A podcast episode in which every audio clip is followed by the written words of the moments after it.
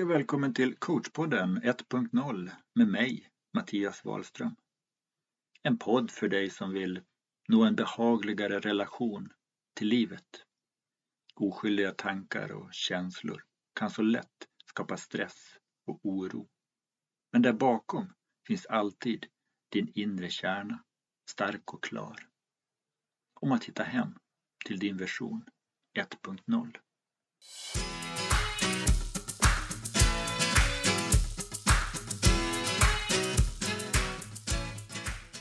Hej och varmt välkommen tillbaka till coachpodden 1.0 med mig, Mattias Wahlström. I dagens avsnitt har jag tänkt berätta lite mer om mig själv. Mitt liv, mina utmaningar, mina glädjestunder, motgångar och insikter. Kan det vara så att jag som coach alltid är perfekt? Att jag alltid har tillgång till lösningar på livets utmaningar? Att jag som coach aldrig har dåliga dagar. Det har jag tänkt att du ska få komma lite närmare och se mitt liv, min historia.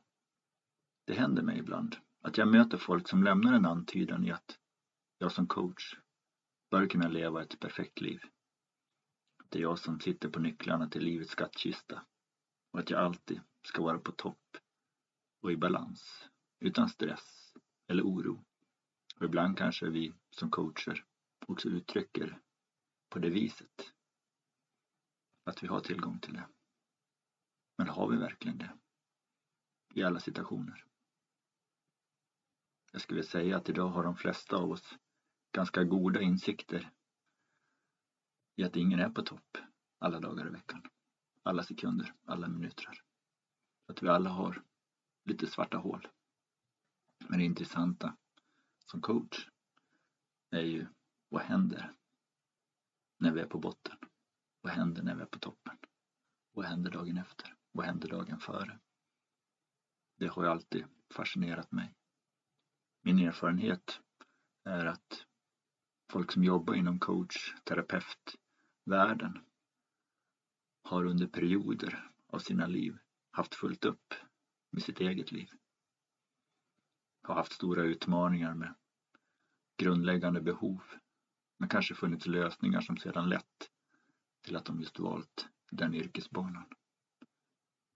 Förhoppningsvis har den här yrkesbanan valts efter ett, ska säga, tillfrisknande så att inte yrkesvalet är en del av läkeprocessen.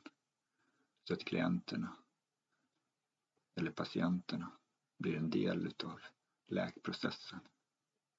Det är väl där jag i min värld har försökt att se till att jag är frisk och hel i mötet med den andra. Att inte den hamnar i beroendeställning för min läkning eller mitt välmående. I mötet, i samtalet med min klient är jag alltid närvarande. Där finns inga frågetecken på mitt välmående, mitt närvaro där är alltid på topp. Men däremellan så är jag kanske inte det. Och det handlar ju om min professionalitet i mötet.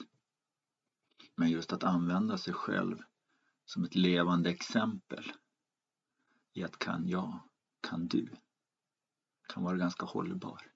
Har jag gått igenom den här processen, har jag gått igenom den här svackan, så har jag kanske fått vissa redskap som jag kan dela med mig utav som gäller till andra.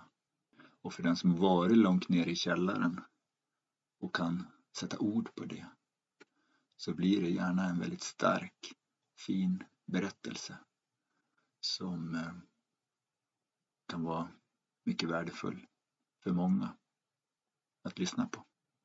Det jag med min erfarenhet, mina utbildningar fått med mig är att i de mentala svängningarna som även jag hamnar i har jag idag en insikt och en tillit i att även den här toppen eller den här bottennoteringen är tillfällig. Att förstå att allting är övergående. Det är både skönt men ibland även tragiskt. När vi lever på toppen av våra drömmars drömmar De vill ju, även jag, kanske leva ut lite längre. Men samtidigt då har man ju då en förståelse, en insikt i att den här toppen, den kommer att komma tillbaka fler gånger. Det var inte den enda gången jag var här uppe på takvåningen och hade det alldeles, alldeles underbart. Det som jag jobbat med i stora delar av mitt liv det har varit om att lära mig hantera och kontrollera känslor. Vara återhållsam och stabil. Jag upptäckte tidigt i livet att vissa känslor är inte okej okay att få eller att visa. Egentligen inga konstigheter. Men jag har som alltid fått vara någon typ av modell för klokhet och lugn. Det fanns många runt omkring mig som inte betedde sig. Och jag fick en roll. Eller kanske valde själv att ta den, det vet jag inte. Alltid trevlig, tyst och i bakgrunden. Har aldrig skrikit. Aldrig gjort bort mig. Eller avslöjat brister och osäkerhet. Det har inte ingått i mitt liv. Rollen hade sin topp. Under högstadiet såklart. Tjejer. Presentationer framme vid tavlan. Engelska lektioner. Och tuppandet bland lagkamrater inom hockeyn. Gjorde att jag påbörjade jobbet med min fasad. Det skulle inte gå att komma åt mig. Och jag blev väldigt bra på att hålla uppe min fasad.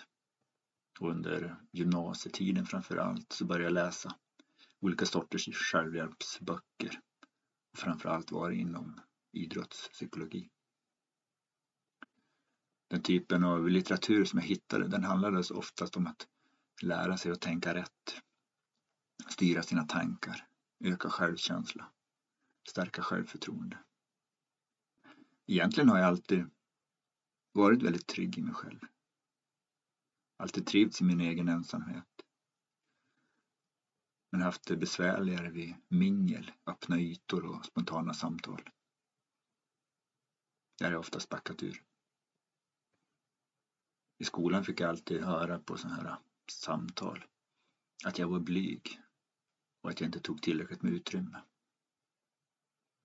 Men jag har aldrig trivts med att tävla om talutrymme utan mening. Jag har inte lärt mig att vara rummets centrum och det har heller aldrig lockat mig. Jag var ett barn som gillade att leka, bygga kojor ute i skogen, spela boll eller sällskapsspel. Alltid i full närvaro, bortom tid och rum. Inget var viktigare. I småskolan fick vi alltid spela klart rastens match innan vi gick in. Och lärare förstod värdet i vad som vad vi tyckte var det viktigaste för en lyckad skoldag. Att vinna matchen på rasten. Någonstans i årskurs fem eller sex började det hända grejer. Klasskompisar tyckte inte bollmatchen var lika viktiga längre. Det började bli andra grejer som var viktigare. Något som jag inte riktigt förstod mig på. Och i högstadiet blev jag vilsen, som de flesta. Men jag valde aldrig gruppen. Jag har aldrig kunnat bara hänga med en grupp. Aldrig varit bekväm i att driva runt. Förutom idrotten, skolarbetet, som under de åren var väldigt utmanande för mig. Gick jag mer eller mindre in i mig själv. Värderade. Observerade. Avvaktade. Och massor av inre samtal om livets mening. Alltid velat haft en mening med närvaron och kunde därför aldrig riktigt förstå meningen med flyktiga aktiviteter. Soffhäng utan mål, rökande eller fester. Det har aldrig varit min hemmaplan. Det är aldrig där som jag har funnit närvaro eller hållbart engagemang. Inom hockeyn, som jag ägnat egentligen hela mitt liv åt, började jag under 16-18 års åldern försvinna ut i periferin i och med att jag inte fann nöje i att hänga med på fester eller att experimentera med lagen. Spelare som blev tillsagda att de skulle sköta sig för att få spela nästa match. Men eh, de där tomma hoten från ledarna lärde sig alla förstå att det bara var tomma att vi skötsamma skulle även nästa match få sitta på bänken. Den bakfulla stjärnan skulle få en sista chans, som det hette. Och det var här någonstans som jag hittade kärnan i mitt coachande. Jag ville inte bli som dem. Jag ville stå upp för den som kämpar. Den som gör sitt jobb. Om än i det tysta. Dag ut dag in. Utan att muta, hota eller kräva löpsedlar. Av någon anledning har jag alltid sett mig som en offentlig människa. Någon typ av hjälpare eller ledare i bakgrunden. Redan i åtta års ålder har jag minnen av att jag drömde om att bli coach.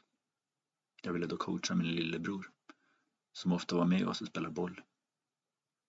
Och i 18-årsåldern så slutade jag spela hockey och började då redan nästa säsong som ledare i ett lag.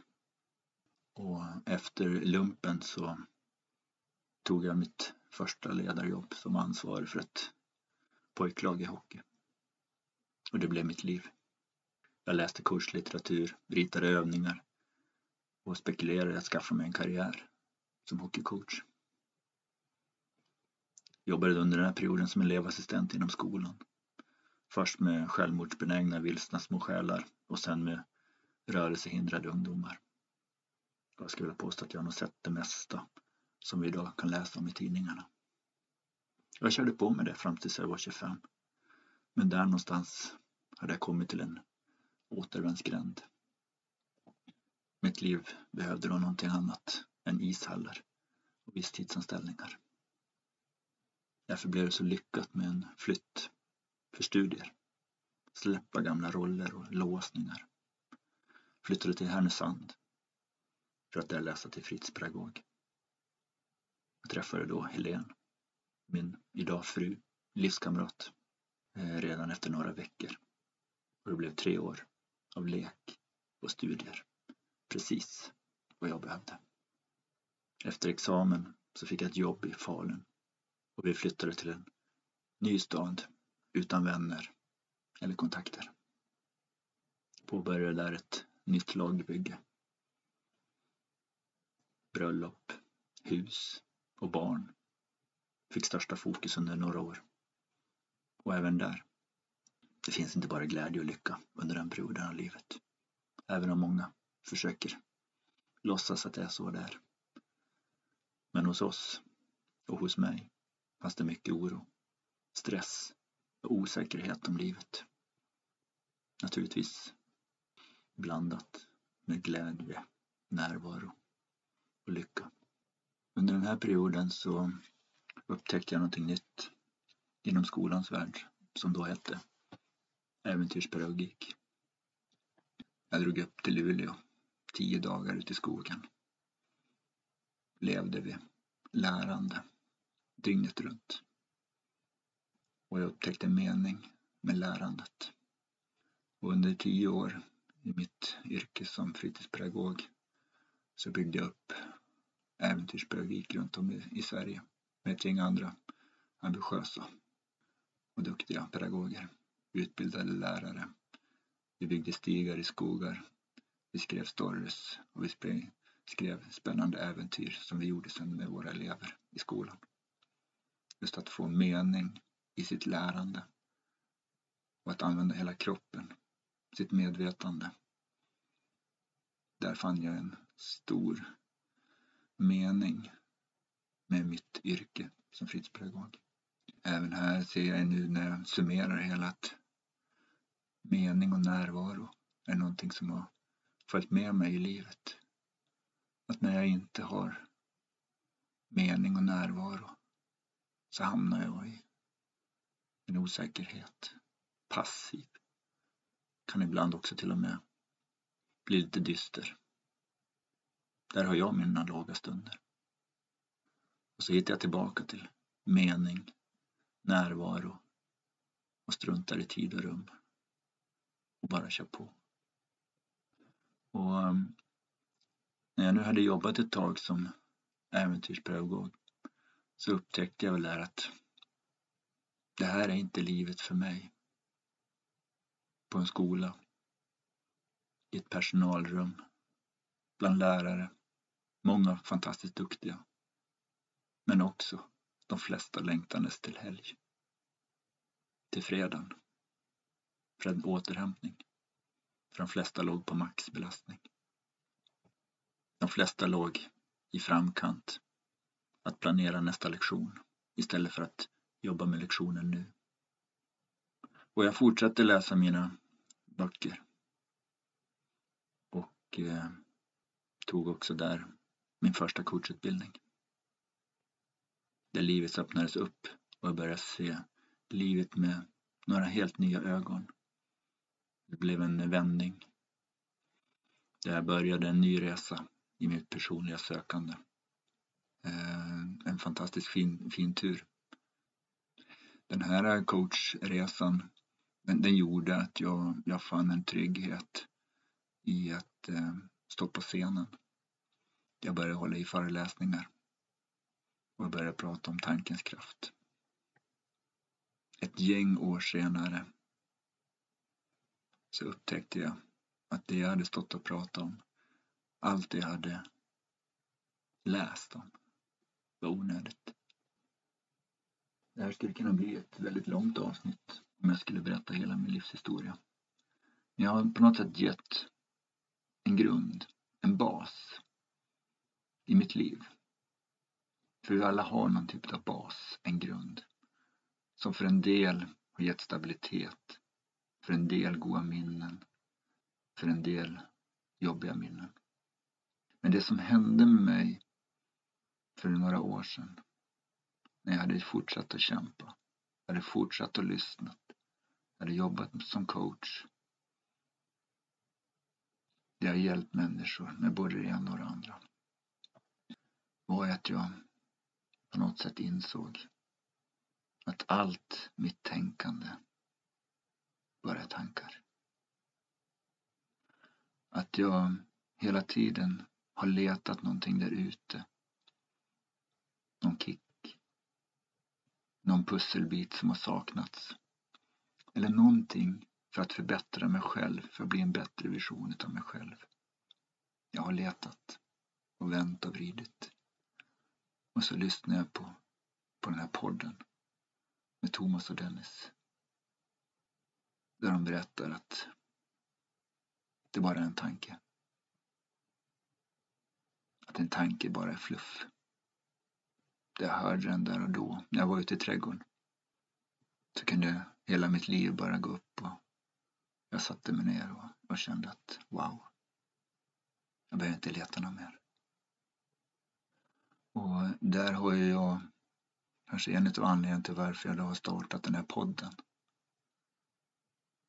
Varför jag skriver två böcker är att jag vill idag fortsätta att hjälpa människor.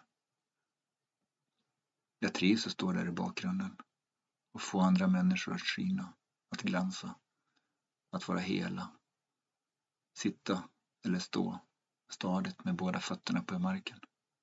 Jag trivs med det. Så att eh, anledningen till varför jag sitter här en, en söndag och spelar in en podd varannan vecka. Jag tror inte att det har så mycket med mitt eget ego att visa upp att jag är så mycket bättre. Att jag kan. Ibland i janteland som jag egentligen kommer ifrån så kan man ju få höra att den som anstränger sig alltid gör det i sitt eget vinningssyfte.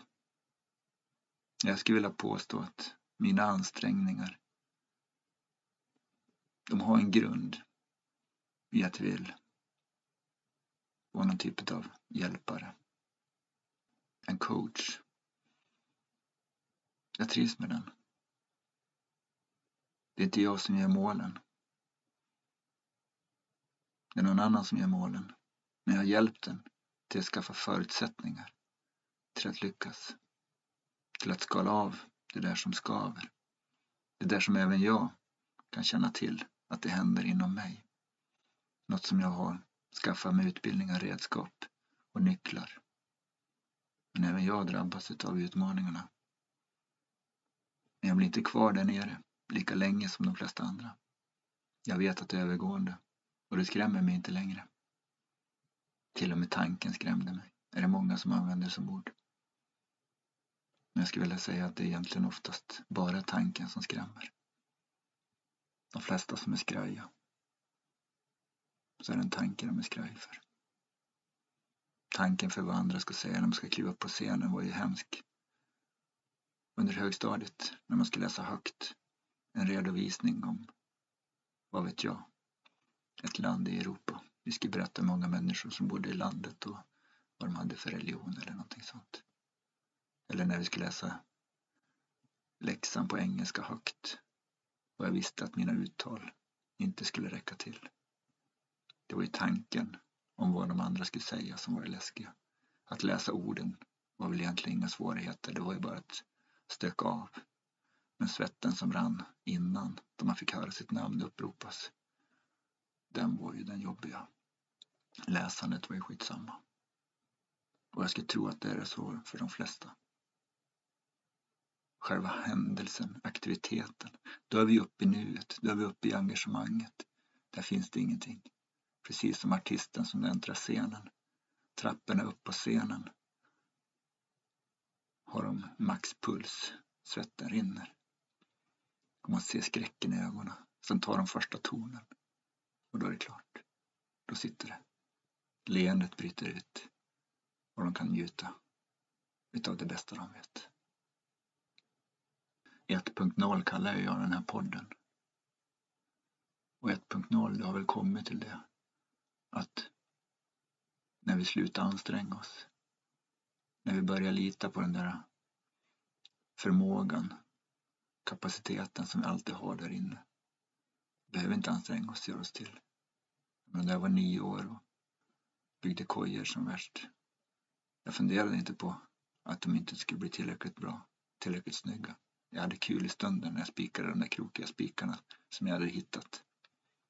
Det var inte ens perfekt sågade brädstumpar. Jag använde lite grann smått och gott utav det jag hittade och njöt utav det. När vi spelade landhockey ute på gatan på vintern. Bland snövallar. Och ibland lite grann för mycket snöande. Så beklagade vi oss inte över att, det var, att vi saknade sarg. Eller att det var för dålig belysning. Vi bara njöt, sköt ett slagskott i krysset och garvade. Det här livet, det gör sig bäst när vi struntar i att bekymra oss om sen. Eller försöker leta minnen från tidigare upplevelser och tro att det ska hända igen. Idag, i mina coachsamtal, hjälper jag mina klienter att se att det som har varit, det som du kan komma ihåg utav det som har varit, det är minnen utav det som varit. Det är inte det som har varit utan är de minnen som i stunden du just nu tar för allvar. På samma sätt om framtid. Det finns ingen framtid heller. Däremot kan vi drömma, hoppas och ha förhoppningar. Ibland skräckslagna också, för den delen. Men fortfarande är det minnen. Ingenting annat än drömmar och minnen. I stunden nu, närvaro, engagemang, att göra det som önskas. Som för mig då, att sitta och spela in en podd. Där jag tror att det kan ge betydelse för någon. Det ger mig mening i livet. Och eh, även jag då, som jag var inne på i början, har mina utmaningar. Det kan, det kan ju ses så att den där Mattias, han försöker vara perfekt. Han eh, kommer ingen igenom. Som sagt var, jag gjorde det förr. Men eh, idag så är väl det också en styrka i att se sprickor och lyssna på dem. För den perfekta fasaden, den är inget bra. Den är väldigt hård. Men det tar död på väldigt mycket liv. Så i det lekfulla, där vi kan leka. Det behöver inte ha en fasad och vara perfekt. Det är oftast det roliga. Det vi bara upptäcker i stunden och njuter utav. Och det är väl kanske där ett budskap också jag vill sprida med den här podden. Att i 1.0, där vågar du vara dig själv. Du måste inte knyta den där slipsen perfekt eller stryka den där kavajen eller vad du nu ska ha på dig för att allting ska vara perfekt inför mötet. Det är helt okej okay att vara dig själv, att stå upp för den. Att låta det stå utanför ramen. Och det är väl de klienterna jag gärna jobbar med också. Den som vill bryta sig loss och vara sig själv. Oavsett vad folket runt omkring säger. Så är det ändå ditt eget hjärta du ska lyssna på. De flesta har allt som oftast fullt upp med sig själv. Så det är nog ändå ingen som bryr sig på vilken färg på strumporna du står imorgon. Det är bara du som tror det. Och Mattias då? Vad har han för utmaningar framöver? Mm. Att spela in det här avsnittet hoppas jag kan visa att jag också är en människa. Att eh, jag också har mina små brister. Små, stora glädjestunder. Så 1.0 är väl mitt budskap i att fortsätta vara 1.0. Jag har tänkt att vara 1.0. Jag jobbar gärna med uppknäppt skjorta. Oftast har jag inte ens en skjorta. Men att släppa ner garden. Var dig själv. Njut. Kliv in i olika situationer och se vad som händer. Och så ska du se att livet kommer vara snäll mot dig. Och när den inte är snäll mot dig så vet du att det är övergående. Det kommer alltid en ny dag. Om vi inte bromsar upp för hårt i motgångens motgång. Då kan vi fastna där. Men om vi bara som berg och dalbanan vet att när vi kommer ner i botten av berg och dalbanan och inte bromsar så kommer vi att ta oss upp igen. Det har jag lärt mig av livets skola. Och även då vi är där uppe på toppen Passa på att njut. Snart går det ut för igen. Så njut när du är på toppen. Och eh, fastna inte för länge på botten. Det är väl det jag har upptäckt med livet och det jag vill sprida. Så om vi stannar så för den här gången så får jag tacka så mycket för att du har lyssnat och önskar en fin vecka framöver så hörs vi snart igen.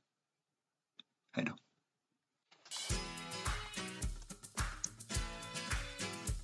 Tack för att du har lyssnat på Kurspodden 1.0. Om du har några frågor och funderingar får du gärna mejla dem till mig, Mattias, livsstilsforandrarna.nu. Om du vill komma i kontakt med mig och är nyfiken på coachning, föreläsningar eller mina produkter, titta gärna in på hemsidan livsstilsforandrarna.nu eller mejla mig direkt. Jag lägger med länkar i programinformationen. Naturligtvis, om du gillar podden så uppskattar jag om du delar den i sociala medier och rekommenderar den bland dina vänner. Ta hand om dig så hörs vi snart igen. Och eh, stort tack!